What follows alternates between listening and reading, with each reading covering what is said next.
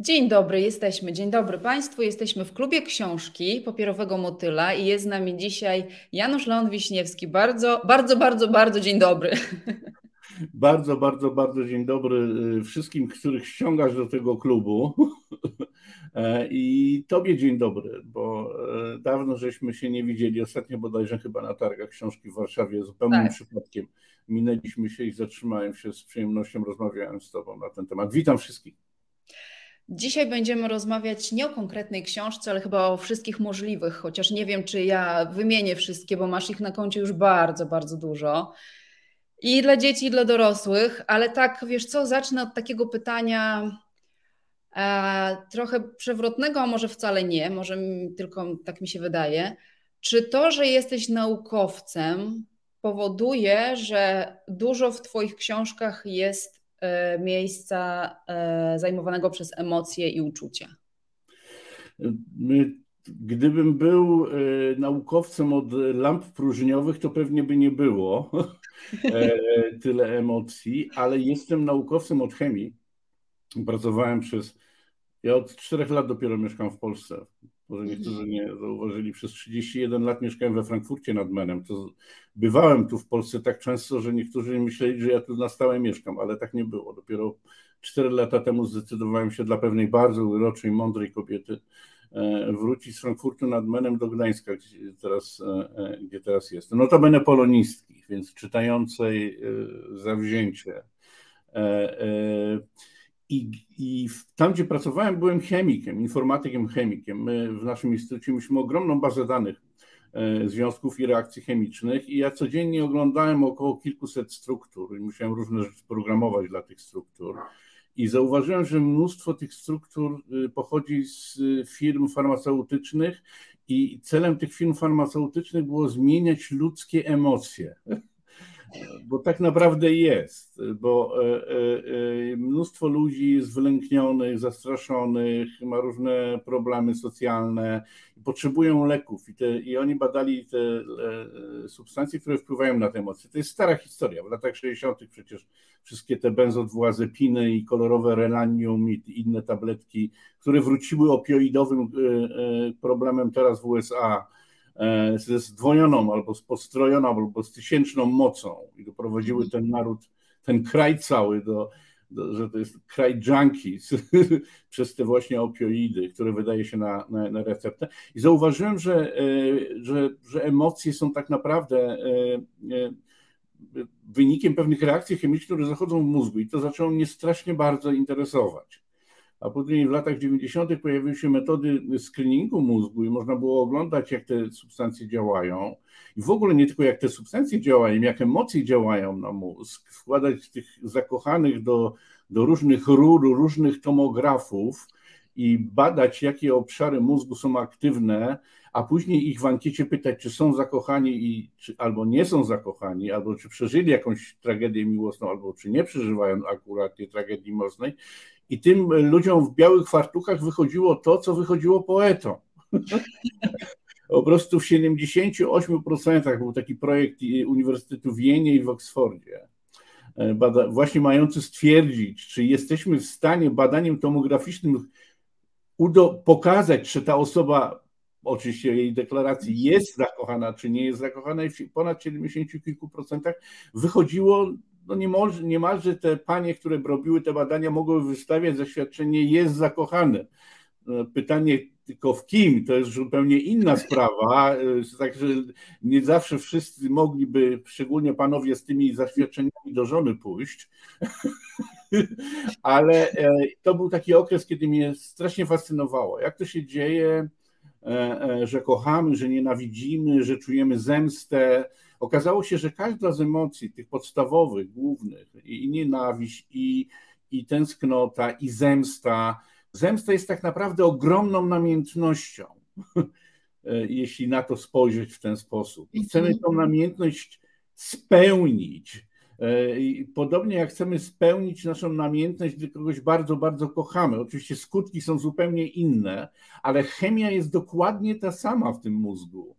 E, która prowadzi do, e, żebyśmy zdjęli to napięcie z nas. E, tu kogoś skrzywdzimy, a tu kogoś, do kogoś się niesamowicie zbliżymy, kiedy je spełnimy. I to mnie zaczęło fascynować i dlatego też tyle jest tych emocji, które mają derywaty chemiczne w moich książkach. Bo po pierwsze wiedziałem o czym piszę, dlatego że to mnie bardzo interesowało. E, bardzo dużo na ten temat przeczytałem prac naukowych, e, a jednocześnie widziałem na ekranie te substancje, które to czynią. Więc gdybym był w innej dziedzinie, być może tej nauki by nie było. Nie, nie, nie sądzę, że gdybym był metalurgiem, zacząłbym wprowadzać problemy związane z wy, wytapianiem jakichś metali do moich książek. Natomiast tu akurat bardzo pasowało i, i, i to mi bardzo pomogło. E, e, w drugą stronę to nie działa. Łatwiej być naukowcem, który pisze książki, niż chemikiem, e, niż, niż autorem, który robi reakcje chemiczne czy bada reakcje chemiczne w laboratorium. Tu akurat w tą stronę bardzo to dobrze zadziałało. A dlaczego zacząłeś w ogóle pisać? Czy to przyszło jakoś tak spontanicznie stwierdziłeś, że, że tak, że zaczniesz, czy dojrzewałeś do tego jakiś czas? Bo ja znam historię o tym, że było ci smutno po prostu i w jakiś yy, sposób tak, to, to reagowałeś na ten swój. Mhm. I, ja nigdy nie, nie chciałem, e, co jest jakimś, i nie jest to żadna kokieteria, ja nigdy nie chciałem być pisarzem. Biorę to w cudzysłowie, bo ja do dzisiaj się tak nie nazywam. E, tenduję, aby mówić o sobie jako autor książek. Dlatego, że dla mnie pisarz jest to ktoś, kto jest wykształcony w tej dziedzinie, który operował słowem, jest kimś no, niekoniecznie polonistą, ale e, człowiekiem, który ze słowem e, nieustannie pracuje w różnych, czy to teatrolog, czy to. Natomiast jaki, jak, jaki ja pisarz? Chemię skończyłem, rehabilitację mam z chemii, doktora z informatyki, magisterium z fizyki, E, e, a jestem w ogóle po technikum rybołówstwa morskiego, gdzie tutaj jest, tutaj jest przygotowanie do pisania. E, dlatego też takich marzeń wykraczających poza moje możliwości, ja zawsze nawet kiedy marzyłem, to starałem się mieć marzenia, które mają pewną dozę realności, mhm.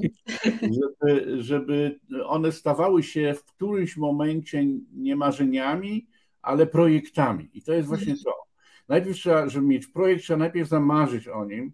I, i, natomiast ja wcale nie zamarzyłem, żeby być autorem książek, nie było mi to potrzebne. Ja publikowałem książki już wtedy, zanim napisałem Samotność sieci, mój, mój debiut, ale naukowe.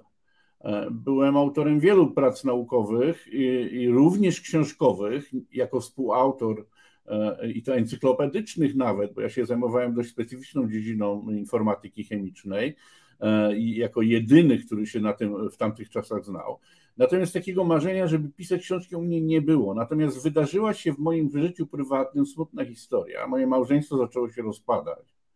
Z mojej winy ja oceniam, dlatego że tak bardzo byłem zajęty swoją nauką, że nie zauważyłem, że trzeba wracać do domu i czytać dzieciom książki e, wieczorem e, i również porozmawiać z kobietą, która na mnie tam czeka. Ale nie będę o tym długo mówił. No w każdym razie rozpadało mi się małżeństwo, stało mi się strasznie smutno. Nie wiedziałem, jak sobie z tym smutkiem poradzić i chodziłem na psychoterapię we Frankfurcie nad Menem i pani psychoterapeutka e, w pewnym momencie powiedziała mi, że mam każdego dnia wieczorem siadać w domu po powrocie z pracy i pisać o tym, co czułem w danym dniu, bo tylko te emocje zapisane będę mógł jakąś zrobić jakąś transmisję na to, żeby zmienić się. I tylko muszę mieć to, bo często przechodzimy nad nienawiścią, nad zemstą, nad złością, nad smutkiem e, e, przez parę sekund i nie zauważamy ich i potem zapominamy o tym. I ona wpadła na świetny pomysł, żebym ja to sobie zapisywał. I ja sobie to zapisywałem, ona w ogóle nie chciała tego czytać. Tak naprawdę nie mogła nawet tego czytać, bo ona była Niemką, a ja sobie pisałem to po polsku. Chodziło jej o to, żebym ja się nad nimi pochylił. I wtedy tak. wpadłem na pomysł, że, że pisanie o emocjach o swoich emocjach pomaga mi, że powoduje pewną refleksję, że, e, że czasami staje mi się jeszcze bardziej smutno, ale zaczynam wiedzieć, dlaczego mi jest smutno.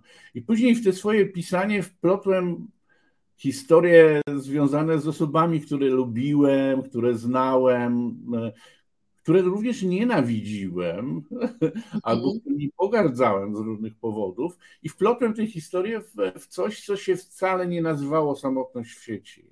To był, nie wiem jak to nazwać, blog to jeszcze nie był, bo w tamtym czasie słowo blog jeszcze nie istniało, chociaż ja je znałem, dlatego że nie wiem, czy wszyscy wiedzą, że słowo blog pochodzi od słowa log, a log to jest pisanie dziennika okrętowego na statku, który ja sam wpisywałem, bo na statkach pływałem, e, a dopiero później zrobiono z tego e, blog, ale to pochodzi od marynarskiego określenia log, e, dziennik okrętowy. To był bardziej pamiętnik i to jeszcze tak pisany tak naprawdę w tajemnicy, jako jakaś mała dziewczynka, która wpisuje swoje, swój pamiętnik i chowa go pod szafą albo pod pościelą, żeby nikt, broń Boże, nie dojrzał, co ona tam napisała, bo jest taki szczery, bo mógłby kogoś zbulwersować. Chociaż tak na końcu marzy, żeby w końcu ktoś go znalazł, przeczytał. I tak trochę było ze mną. E, ja nie chciałem, żeby ktoś go znalazł, ale no zdarzyły się różne historie, e, e, że na, namówił mnie ktoś do napisania artykułu, nie artykułu, to tak zabrzmiało pięknie, artykułu. Napisania opowiadania do gazety bardzo ważnej wówczas w Polsce, która się nazywała Playboy. I napis, do napisania tego e, namówił mnie e, e, ktoś, żebym napisał fragment. Ja go napisałem i tak naprawdę, gdyby mnie zapytać, gdzie Wiśniewski zaczął pisać, to można opowiedzieć zupełnie szczerze, że literaturę to zaczął pisać do Playboya.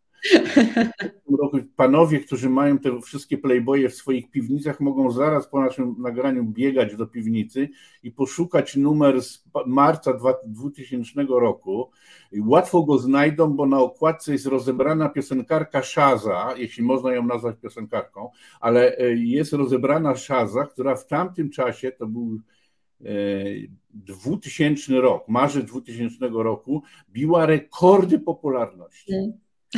Tym, że w tym numerze z, z marca 2000 roku e, e, jest, jest mój tekst, który się nazywa Chat, który za, brzmiał wówczas strasznie anglojęzyczno, obco. Słowo chat w 2000 roku to nie, nie istniało. Świetnie zilustrował ten artykuł mój, to znaczy ten, ten mój tekst pongowski, E, ten nasz ilustrator od wszystkiego i tak to się, tak to się zaczęło. I później zaczęto mnie namawiać, abym, to, co piszę, zamknął w jakąś formę książkową. I przekonano mnie po długim czasie, aby, aby to wydać. Ja nie wiedziałem, jak się za to zabrać. Mieszkałem we Frankfurcie nad Menem.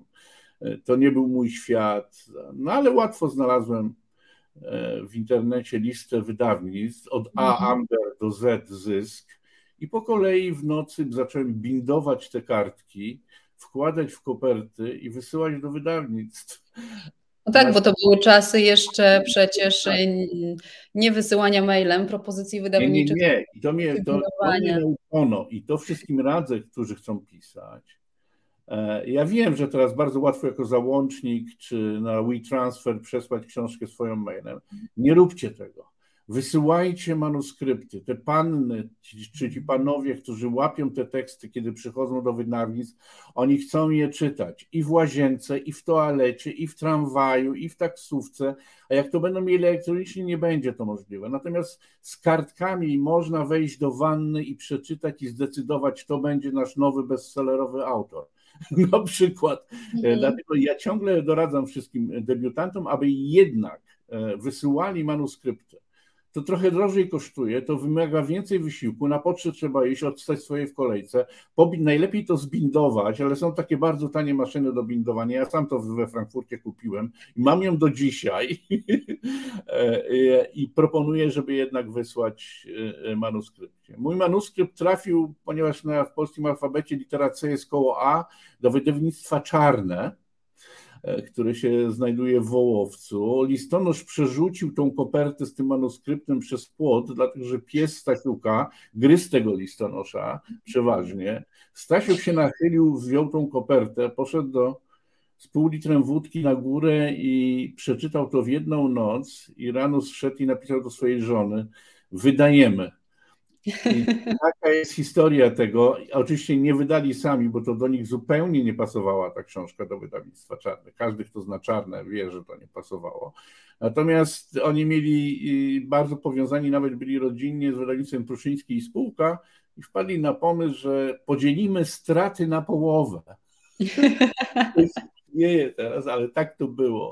To znaczy, ewentualne inwestycje podzielimy na połowę, no i też jak będą jakieś zyski ze sprzedaży tej książki, to będziemy mieli na połowę. Okazało się, że dzięki mojej samotności w sieci, wydawnictwo Czarne, o czym Andrzej Stasiuk mówił w wywiadach wielokrotnie, wydało mnóstwo i chorwackich, i ukraińskich, i, i czeskich y, y, pisarzy, i ja jest i dzięki tej samotności sieci, z której mieli duże pieniądze, mogli to robić, bo są to książki ważne, cenne, ale niszowe. Mhm. I, I samotnością w sieci finansowali y, zupełnie inną, inną literaturę. I taka jest historia tej, tej tej, tej książki, która nagle się pojawiła. Ja mieszkałem we Frankfurcie nad Menem, wszystko to się działo za moimi plecami. E, pierwszy raz przyjechałem do, do Polski, pierwszy raz odczułem tą radość, kiedy idąc z córką zobaczyłem na głównej ulicy Torunia Szerokiej e, na wystawie sklepowej e, w jednej z księgarni samotnej sieci. I to było takie niesamowite, nie, niesamowite uczucie. A później drugi raz, jak pojechałem, moja córka wpadła do Empiku i wybiegła z tego Empiku. Ta młodsza, która mieszka teraz w Berlinie i mówi, tatuś, dowaliłeś Harry Potterowi. Ja, okazało się, że na liście bestsellerów moja książka była wyżej niż chyba cztery tytuły Harry Pottera, które wtedy królowały na listach bestsellerów e, Empiku. I to była chyba najpiękniejsza recenzja, jaką miałem na temat samotności w sieci. Od mojej córeczki małej Adrianny, która pewnie będzie też to oglądać, bo ona wszystko wyłapuje, którą serdecznie pozdrawiam. A jaka była w takim razie, jaki był Twój kolejny krok? No bo pierwsza książka odniosła duży sukces. Chyba później trochę była ekranizacja, prawda? Ona nie tak, pojawiła się Ekranizacja była, y, mhm przepraszam, że Mariko, że wchodzę w słowo, ale ekranizacja pojawiła się w 2006. We mhm. wrześniu 5 y, y, września 2006 roku była premiera filmu Samotność w sieci. Czyli mnóstwo czasu to zajęło, tak. chociaż przymiarkę do y, adaptacji zrobiono już dwa miesiące po wydaniu książki. Witold Adamek, to też jest niesamowita historia, którego kobieta ówczesna pracowała w Pruszyńskim, wyniosła mu ten manuskrypt jak jeszcze był robiony i on ten manuskrypt chciał zagarnąć dla siebie, bo widział w nim potencjał. I przyszedł do mnie dwa, 12 chyba dni po wydaniu książki.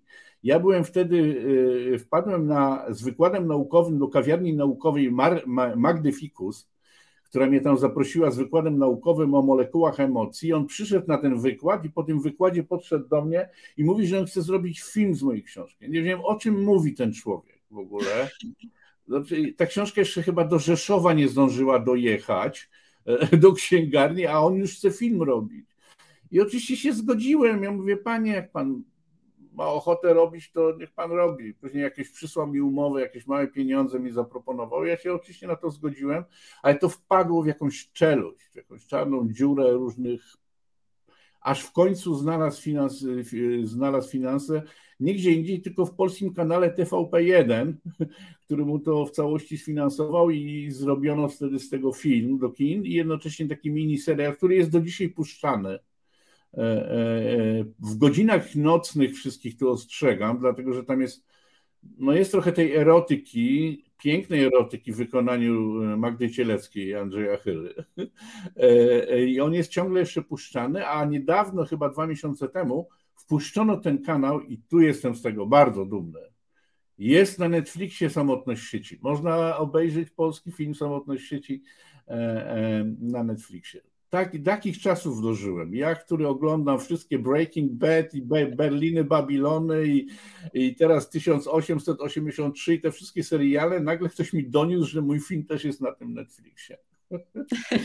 Nawet zrobiłem sobie zdjęcie z telewizora, żeby mieć kiedyś do pokazania, że faktycznie jest w ofercie samotność samotnej sieci. Myślałam, że powiesz, że zrobiłeś sobie zdjęcie z telewizorem, na którym... Nie, nie, tylko ten tytuł z telewizora. Jest. No to jest dobry pomysł, może jeszcze zrobię sobie, jak stoję przy tym telewizorze.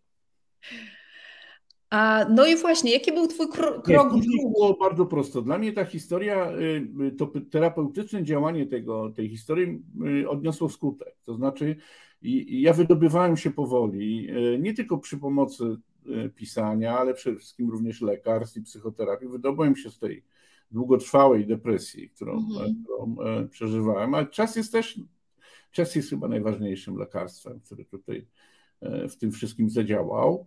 I dwa lata później ta książka oczywiście zaczęła bić jakieś nieprawdopodobne rekordy popularności. Ja zaczynałem dostawać coraz więcej maili ze względu na to, że ja byłem pierwszym autorem, który na czwartej okładce tej książki zdecydował się, nie ja. Zapytano mnie w Pruszyńskim, czy mogą, mogą podać mój adres mailowy. Mhm. Wydawało mi się, że to jest logiczne pytanie i ma sens. No, jeśli książka dotyczy historii miłosnej w internecie, to ten autor też w tym internecie powinien tam raczej być. No dobrze, nie wiedziałem, co ja czynię, dając, wyrażając zgodę na ten podanie swojego adresu e, mailowego. I zaczęły przychodzić maile. W ciągu dwóch lat ja zebrałem w specjalnych folderach, skrzynkach podzielone na głupie, nienawistne, e, różne były na, na głupie, nienawistne, wzruszające. Dzieliłem te maile na, do tych wszystkich folderów na moje, bo jestem bardzo zorganizowany informatycznie, żeby wiedzieć, i zebrało się ich ponad 14-15 tysięcy w ciągu dwóch lat. Wow. 15 tysięcy 15 tysięcy osób zdecydowało się nie dość, że przeczytać tą książkę, to jeszcze siąść do komputera, co wtedy nie było takie proste jak teraz, e, dlatego że to, to, jest zupełnie inny internet, e, jaki był wtedy. Jeden, jeden e, komunikator ICQ wirtualna Polska i Onet. No, no, to, to, a Onet dopiero później. I zazwyczaj kawiarnie. Przyszły te maile i, i książka stała się bardzo popularna. E, I w, dwa lata po jej wydaniu pani z wydawnictwa Pruszyńskiej i spółka zadzwoniła do mnie do Frankfurtu i mówi mi takim dość nie, e, no, głosem, który nie wiedziałem, że nie powinienem protestować. Panie Januszu, czas napisać kolejną książkę. No wiadomo, a ja nie miałem wcale w ogóle ochoty. Ja byłem zajęty, ja byłem w cyklonie projektów. Ja pisałem pierwszy program do translacji struktur chemicznych. To mnie całkowicie pochłaniało. To było moją pasją. Z tego powodu zaniedbałem rodzinę i tak dalej. Żadne książki mi do głowy nie przychodziły. A ja się napisałem, a o czym? A ta pani powiedziała skromnie, ale konkretnie, o czymkolwiek. Znaczy, chodziło jej głównie o to, że gdybym napisał książkę kucharską, w tym apogeum popularności samotności w sieci, to ona też by się sprzedała. Mhm. E, I taka była, no zaczęła mnie namawiać do tego też intensywnie i wyszła książka moje Zbiór opowiadań, który bardzo lubię i który bardzo Państwu polecam, który gdzieś na pewno na jakimś e, e, OLX-ie albo na jakichś innych platformach, albo może gdzie indziej, jest dostępny, nazywa się Zespoły Napięć. Jest to książka, która była moją drugą y, książką, bardzo emocjonalna, zbiór siedmiu opowiadań, bardzo intensywnych, takich, które ja chciałem zawsze napisać, które mi nigdy by nie wydano, gdyby nie samotność sieci. One oczywiście y, zaczęły wędrować do różnych innych krajów. W 2005 roku samotność sieci wywędrowała jeszcze przed premierą filmu do Rosji przyjechały panie z wydawnictwa Azbuka z Petersburga, twojego Petersburga, do Warszawy na targi książki. No i one bardziej zainteresowane były wówczas, co znam z ich ust, y, chodzeniem po sklepach w Warszawie niż pójściem na targi książki. No ale by, były sprytne, wpadły do Empiku i zobaczyły, co jest na pierwszym miejscu listy bestsellerów i tą, że tytuł, z tym, o, tak, o ten tytuł zwrócił się do Pruszyńskiego. Nie będąc w związku z tym na targach książki, nic nie ryzykowały. No jeśli ta książka się w Polsce i polski autor najlepiej sprzedaje, stwierdziły, dowiedziały się, że ona już jest kilkanaście, kilkadziesiąt tygodni na tej liście bestsellerów, i tak się zaczęło wydanie Samotności w sieci przez Azbuka w Sankt Petersburgu i ta książka zaczęła żyć w Rosji swoim życiem i trwała w tym życiu bardzo długo, bo sprzedano ponad półtorej miliona egzemplarzy tej, tej książki, później ta sztuka teatralna. E, I, tak, i, i taka była ta, ta, ta historia. A w którym momencie już tak powiedziałeś sobie, że dobrze, to ja już jestem tym autorem książek, jeszcze nie pisarzem, chociaż ja tutaj będę e, z Tobą się kłócić na ten temat i uważam Cię absolutnie za pisarza z krwi i kości. E, przy której książce e, pomyślałeś, że to jest na poważnie? W zasadzie nigdy. Zupełnie szczerze Ci odpowiadam. Ja swoją przyszłość wcale nie widziałem w tym pisaniu. To był fajny dodatek, no, nawet finansowy szczerze mówiąc, bo ja, ja nigdy nie pisałem tego dla pieniędzy. No, gdybym pokazał Ci umowę na samotność w sieci, to byś musiała liczyć te zera i bardzo szybko byś skończyła przy, przy liczeniu, bo, bo to nie mi o to chodziło. Mi się tak powiodło w życiu, że ja dostawałem e, duże pieniądze za pisanie, ale programów komputerowych. To nie był mhm. żaden, żaden motyw. Ja nie musiałem z tego ani zapłacić czynszu, ani nie musiałem zbierać na bagietkę czy wino po prostu to był taki dodatek. Tak szczerze mówiąc, ci powiem, ja byłem tak zajęty tym pisaniem i projektami, że ja nawet czasu nie miałem tych pieniędzy wydawać. Mhm. E, e, ze względu na to, że no, nie było na to czasu, bo, bo jak masz dwa życia w jednym i jeździsz po dwóch peronach jednocześnie, jak gdyby, albo z jednego przenosisz się na drugi, to nie masz na wiele czasu. A najgorzej jest robić dwie rzeczy źle. Mhm. I ja tego bardzo chciałem uniknąć. Nie chciałem e, przestać być dobrym informatykiem e, do chemii, a jednocześnie wiedziałem, że nie mogę, nie mogę traktować tego jakieś hobby tego pisania, że to jest ważne, dla wielu ludzi jest to ważne. E, I nie było takiego momentu. Ja chciałem zostać naukowcem. Stąd ta habilitacja w Łodzi. No po co mi ta habilitacja, jak ja mieszkam we Frankfurcie? Bo miałem plan, żeby dostać profesurę. No, takie marzenie, obiecane mamie. Chciałem tą profesurę od tego innego prezydenta dostać w, w tamtych mhm. czasach. No i, ale okazało się, że nie jest to możliwe, dlatego że moja firma, w której pracowałem, zakazała mi publikowania artykułów, ze względu na to, że wszystko, co ja robiłem, było natychmiast patentowane. No więc nie wolno się dzielić. No, no, można złożyć podanie o patent, ale nie wolno napisać artykułu naukowego, w którym opisuje się swoją pracę, jak się do niej doszło. No bo to był instytut komercyjny. On żyje do dzisiaj ze sprzedaży informacji naukowej, za którą instytuty, szczególnie farmakologiczne, e, płacą. No i i moje ambicje profesorskie nikogo absolutnie tam nie interesowały. To, jak się panu nie podoba, to niech pan gdzieś idzie na uniwersytet. No nie, mi się tam bardzo podobało. to jest świetny instytut, najlepszy w świecie w, w, tej dziedzinie. I tak to, tak to się stało. Nie było takiego momentu. Po prostu w którymś momencie zrozumiałem, że pisanie książek sprawia mi radość, że przenosi mnie do innego świata. Poza tym, strasznie ważna rzecz. Któregoś dnia odkryłem, że ja się dzięki tym książkom uczę czegoś innego, że zdejmuję te klapy na oczy, gdzie ta chemia, ta struktury, że nagle się dowiaduję zupełnie innych rzeczy. Wchodzę do innych światów, żeby napisać książkę z Iradą Wownienko na przykład tą Rosjanką, bo jestem, mamy taką książkę wspólną, Miłość i inne oraz inne dysonanse, pisana z, z dziewczyną y, y, z y, Sankt Petersburga. Ja musiałem się strasznie dużo dowiedzieć o krytyce muzycznej, o muzyce, e, żeby napisać e, e, dla mnie, dla mnie najważniejsza książka, ostatnio ją mam i się bardzo cieszę, że, że wydawnictwo Znak postanowiło ją trzeci raz wznowić. Nazywa się Bikini. Podarowałem tej książce dwa lata swojego życia. Jest to książka niemalże historyczna, zaczynająca się od bombardowania Drezna w 1945 roku, a kończąca się na testach broni przez Amerykanów na atolu Bikini i jednocześnie splecioną piękną historią miłosną, prawdziwą, pra- piękną historią e, miłosną. E, dwa lata życia tej książce podarowałem. Wydawnictwo nie było w stanie jej, jej zredagować, znaczy zredagowało ją, ale nie było w stanie ocenić, czy ja nie kłamię historycznie tutaj, więc profesor mm. historii ją sprawdzał. E, e, I praktycznie pomyliłem się tylko raz, nadając żonie Wagnera inne, tego kompozytora inne imię niż faktycznie miała. Nie wiem, jak do tego doszło.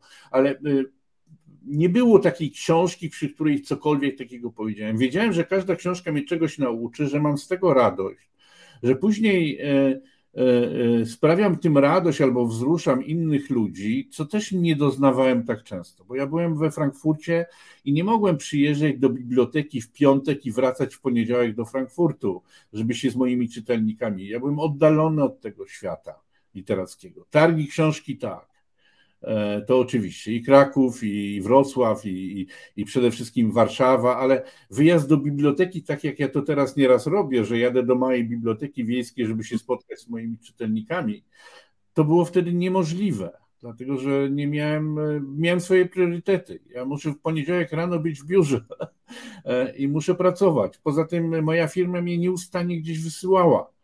Ja, zdarzało się, że ja byłem cztery razy w miesiącu w Kalifornii. Sobie wyobraź, jaki ja jetlag miałem, nie, jeśli pomyślisz, e, e, ze względu na to, że tam się mieściły te firmy wszystkie technologiczne, w których ja te, te swoje programy prezentowałem, więc nie miałem specjalnie na to, e, na to czasu.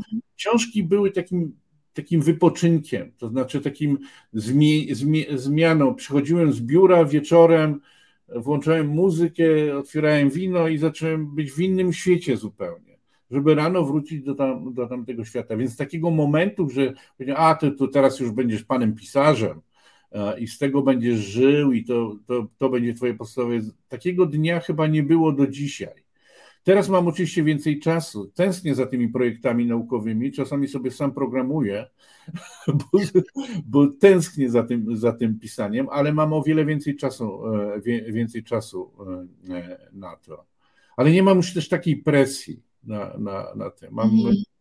Jak tam była taka nieustanna presja, żeby to wszystko zmieścić 24 4 godziny. Jeśli znajdę jakąś piękną historię, która mnie poruszy i wzruszy, to, to nie mogę nie mogę nie wrócić do biurka i zacząć to pisać. A jak to już moja żona zauważyła, że jak ja już zaczynam pisać, to znaczy już przestaje istnieć trochę dla świata. E, e, po ostatniej książce mojej Gate, mojej powieści mhm. Gate, obiecałem sobie, że będę rok nic nie robił.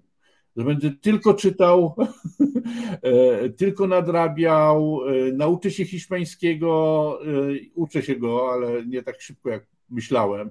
E, bo mi jest, bo bardzo chcę do rosyjskiego, niemieckiego, angielskiego dołożyć jeszcze ten hiszpański, którego mm -hmm. mnóstwo na świecie i że po roku dopiero zacznę pisać. Gdzie tam? Już po czterech miesiącach usiadłem z jakimś pomysłem i wpadłem w to i dalej. I piszę teraz zbiór opowiadań, który mam nadzieję będzie wydany pod koniec roku. A jak te pomysły do ciebie przychodzą? E, różnie. Ja bardzo dużo ludzi, e, lubię rozmawiać z ludźmi mi jest niebezpiecznie coś opowiedzieć, bo ja mogę zaraz to opublikować, więc y, ludzie to wiedzą. Nawet ostatnio moja córka, która y, nawet nie wiem, gdzie ona dzisiaj jest, bo ona ciągle po Europie wędruje, prawdopodobnie dzisiaj jest w Madrycie, a no, normalnie mieszka w, w, w, w Berlinie. E, pisała do mnie, tatuś, mam dla siebie dwa pomysły na, na dwie książki. I teraz przyjeżdża do, niedługo do, e, do Torunia, do babci więc pewnie pojadę do niej, żeby się ją przytulić, ale wypytam, jakie, jakieś to pomysły ma. Słucham historii. E, e, jeśli znajdę, ja dużo czytam literatury naukowej. Wszystko, co jest związane ze zdrowiem ludzkim, jest zawsze zaczynem pięknej historii. Mhm. Co jest związane ze zdrowiem, cierpieniem, smutkiem, śmiercią, nagłym wyzdrowieniem. To są historie. Ja nie chcę powiedzieć, że jestem emergency room, ale takie historie, które związane są ze zdrowiem i, i, i, i cierpieniem, zawsze za nimi się kryją jakieś piękne historie. Ja wtedy znajdę jakiś naukowy artykuł o czymś e, e, z, medy, z pogranicza medycyny, neurobiologii i zaczynam szperać, zaczynam czytać ludzkie blogi, zaczynam czytać, docierać do ludzi, którzy przeżyli coś podobnego albo mieli w rodzinie kogoś, kto przeżył e, e, coś podobnego. Na przykład ostatnio przeczytałem historię e, przepiękną o chłopaku, który przewrócił się notabene spadając ze schodu przed kościołem i stracił pamięć. Absolutnie stracił pamięć, ale zupełnie nie poznając matki, siostry, i, i to jest dorosły chłopak, i on teraz musi kraść, wydobywać swoją przeszłość. Do, czy to nie jest piękna historia na, na, na, na minimum jest. powiadanie? Zresztą, zresztą co ja będę mówił? Ty doskonale wiesz, bo myśmy się spotkali w takich okolicznościach, kiedy pisałeś, napisałeś przepiękne opowiadanie o Rosji notabene e, e, e, do miesięcznika pani i ono było tak piękne, że ja, ja byłem wtedy, miałem szczęście być w tej komisji od tych nagród i wiedziałem, że to tylko ty możesz wygrać to. to. I tak żeśmy się dzięki temu, dzięki temu poznali. To, to opowiadanie też musiało cię poruszyć, też musiałeś mieć dużo faktów i, i zbierać. Mhm tak przychodzą mi te pomysły z, z, różnych źródeł, albo ktoś coś mi opowie. Bardzo dużo lubię rozmawiać. Strasznie to brzmi, lubię. No, rozmawiam dużo e, z ludźmi bezdomnymi. Mhm. To są, jeśli ktoś jest bezdomny, e, nikt z własnej woli nie mieszka na ulicy albo w klatce schodowej, to jest oczywiste. Za tym, że tak, to, co się wydarzyło przed tym, zanim on zaczął mieszkać, czy ona zaczęła mieszkać, bo i kobiety są bezdomne na, na, na ulicy, tam musiała się wydarzyć jakaś nie jedna, ale wiele tragedii. E, I dlatego tylu bezdomnych i tylu ludzi mieszkających na ulicach w moich książkach. I, i, i w gejcie to jest. Tak. I, i, ja się z nim pochylam, oni mnie wzruszają. Długo nie, nieraz nic nie udaje się od, mi od nich wydobyć, ale nieraz mam szczęście, że mi opowiadają te historie. To długo trwa, to jest długi proces nabierania zaufania. Często opowiadają urywane te historie, a potem to sklejam i buduję z tego swoje, swoje wątki, wciągając w moje wątki czy w moje historie ich życiorysy. Ale generalnie informuję ich o tym. Oni przeważnie wyrażają zgodę. Nieraz zanoszę im te książki o nich I niektórzy nie dojdują się tam, e, bo uważają, że to jest za ładne, co ja napisałem, bo ich świat jest jeszcze brzydszy niż ja, niż ja go opisuję.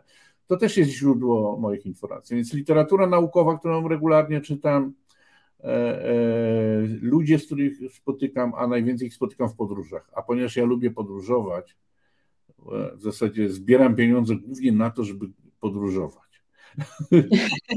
są najlepiej wydane. A mam szczęście być z kobietą, która też lubi podróżować, chociaż nie, nie bardzo może, bo jest nauczycielką. Ale wakacje mamy, no więc y, chociaż y, to. W podróżach rodzi się mnóstwo, mnóstwo różnych historii. Dlatego, że podróż y, no, no jest źródłem pewnych obserwacji, czujesz te zapachy i smaki, oglądasz inne światy, rozmawiasz o innych wartościach. Mhm co inne, co, bo inne wartości mają, ostatnio byliśmy w Namibii, co innego jest pojechać do wioski w Namibii, e, e, e, plemienia Himba i, i widzieć, co jest najważniejsze we wiosce plemienia Himba i porównać to z tym, co jest najważniejsze tu dla jakichś Japis w Gdańsku i widzieć, jak, jak, jak bardzo się różnimy. To też jest źródłem. Podróże. Podróże są źródłem moich E, moich książek. A jak wam się pisało razem książkę o Nowej Zelandii? To jest świetny projekt, świetny pomysł. Moja żona, nie wiem, broniła się przed tym e, e, bardzo.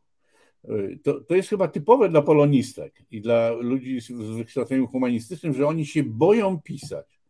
Ja jako chemik się nikogo i niczego nie boję. Natomiast one znają te epoki, te wszystkie porównania, wszystko jest wtórne, a wszystko już było, a ktoś to już napisał. Nie można tak do tego podchodzić. Oczywiście, że ktoś to już napisał.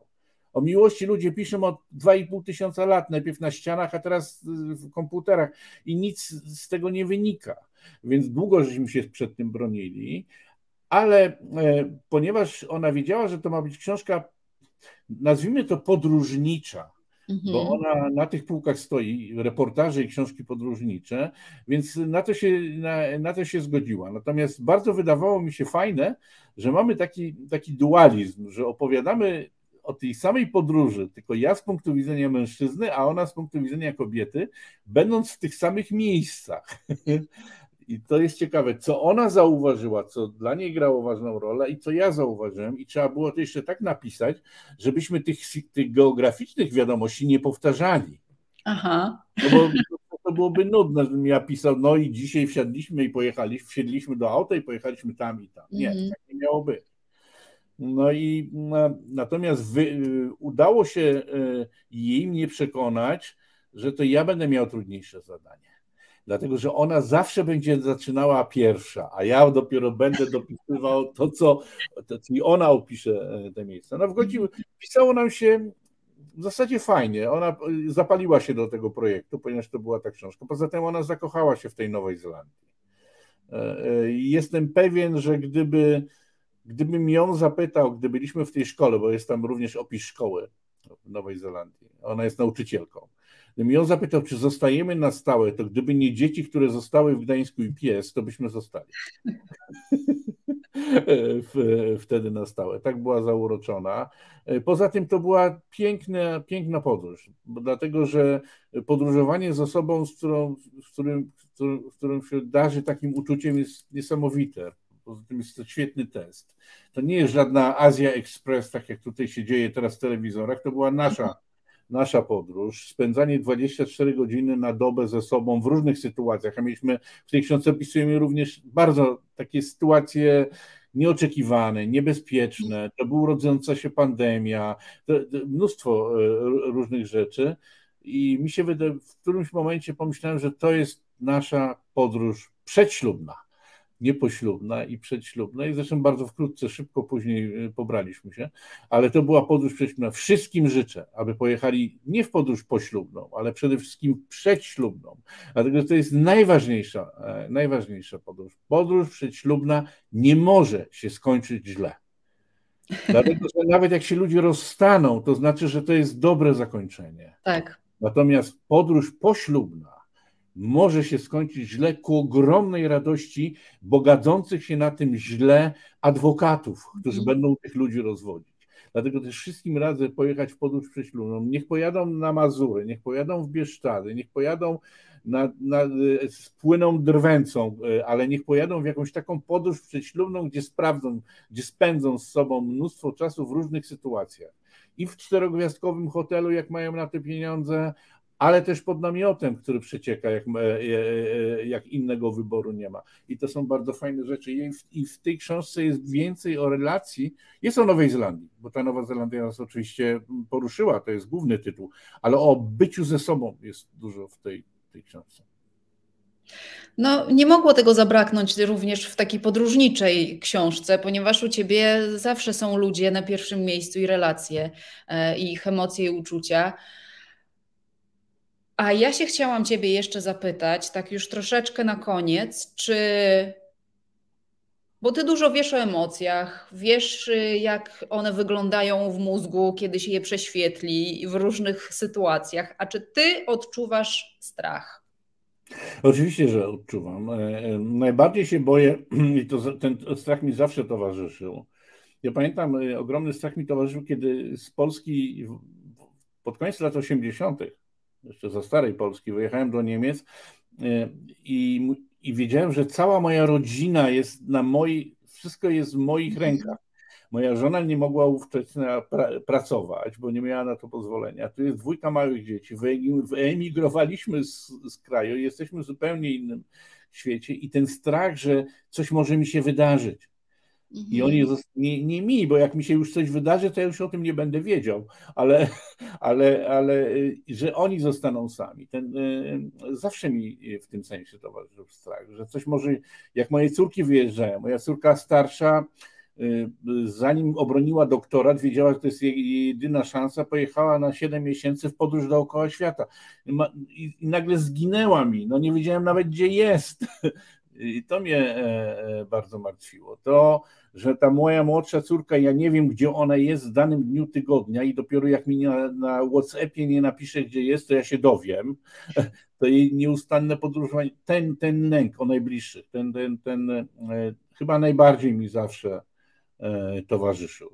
Nie bardzo o siebie, ale o, e, o najbliższych, że może im się e, coś przydarzyć. I to jest taki, moim zdaniem, to jest taki atawizm, ale to, to wszyscy mają. I ty jako matka masz, i, i, i ja, ja już mam teraz starsze te córki, one mają swoje dzieci, znaczy jedna ma swoje dzieci, ona podziela ten mój strach, ale ciągle się martwię tym. To był ten podstawowy strach. A tak to niespecjalnie zawsze wydawało mi się, że dam sobie radę, że dużo się w życiu nauczyłem, że, że to było dla mnie zawsze w życiu najważniejsze, żeby się uczyć.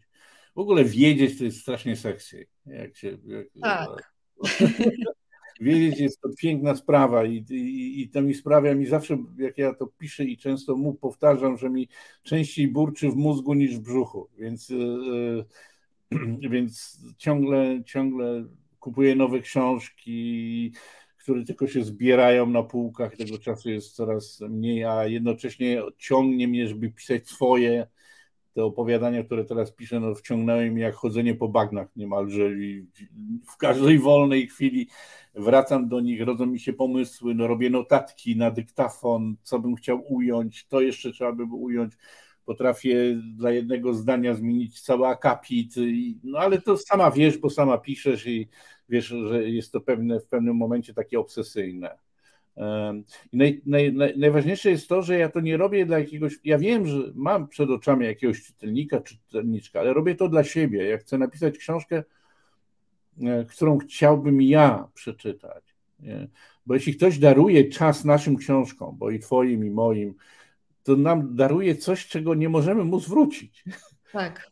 Kasę za to, że jakby mi przyszedł, ktoś powiedział, panie, straciłem 25 zł, tam 30 na pana książkę, do dupy, za przeproszeniem, mm -hmm. to ja bym mu tą kasę nawet oddał.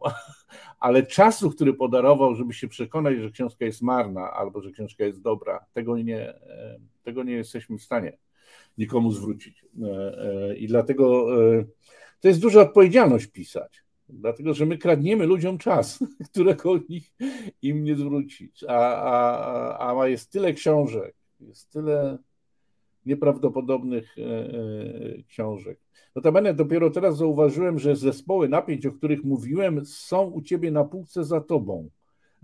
Tak. Bo w zbiorze kulminacje, tu. w tym zbiorze kulminacje jest to zbior, praca zbiorowa, którą polecam, mhm na każde moje opowiadanie ze, ze, ze zbioru zespoły napięć odpowiadają polscy, to akurat chyba autorki, tak? Czy autorzy? Tak, tak, autorki. to autorki. Autorki, bo później była też taka książka, taki, taki zbiór, gdzie autorzy odpowiadają na tak. opowiadania.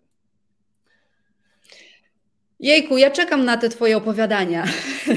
Więc nie, sądzę, że do końca roku powinny, y, powinny y, wyjść. Na razie mam trzy. Myślę, że jedno jest potężne, ale w wydawnictwie powiedziano mi, że nie szkodzi, mogą być i krótkie, i długie, ale myślę, że około pięciu powinno się minimum, e, e, minimum znaleźć w tym, e, w tym zbiorze. Nie dałem sobie żadnej daty końcowej na oddanie tego, żeby nie było presji, a i tak czuję tą presję nieustannie. No ja wiem, jak to jest, tak. No wiem, wiem. Znamy się zbyt długo żebyś, nie wiedziała, także wiesz o czym mówię. A wszystkim, którzy noszą w sobie jakąś książkę, bo wiem, że każdy z nas nosi swoją książkę, ale się obawia jej z siebie wypuścić. Albo co koledzy powiedzą, a co koleżanki powiedzą, a będą tam się tego szukiwać, a to jest takie osobiste, a w ogóle to ja nie mam nic do powiedzenia, a to wszystko będzie wtórne, a to wszystko, a może jestem y, może nie jestem tego przygotowany. Nie, nie można tak zrobić. Trzeba po prostu usiąść i napisać. Świat to zweryfikuje. Nawet jeśli przeczyta tylko rodzina, to jest ok. Trzeba tak. tą książkę z siebie, jak, jak ma się to ciśnienie, żeby ją wypuścić, wypuszczać nie, nie, nie trzymać jej w sobie. Ja też nie sądziłem, że ja kiedykolwiek będę y, z Mariką Krajniewską zajmującą się literaturą zajmować. Bardziej sobie wyobrażałem, że będę w jakimś kanale naukowym opowiadał o, o molekułach emocji, a, a okazuje się, że nie, że, e, że te książki zmieniły moje życie i na całe szczęście, bo wprowadziły mnie do świata, do którego pewnie nigdy bym nie wszedł. E, e, zamknięty w swoim. Nie mówię, że mój naukowy jest mało interesujący, on jest też bardzo, e, bardzo interesujący, ale jest inny, a to uzupełnia. Strasznie dziękuję Ci, Maryku, za to spotkanie dzisiejsze. Ja Ci też bardzo dziękuję. Państwa zapraszam po książki Janusza do księgarń. No i bardzo czekamy, bardzo czekamy na kolejny. Wszystkiego dobrego. Pozdrawiam. Dzięki. Do, do widzenia, cześć.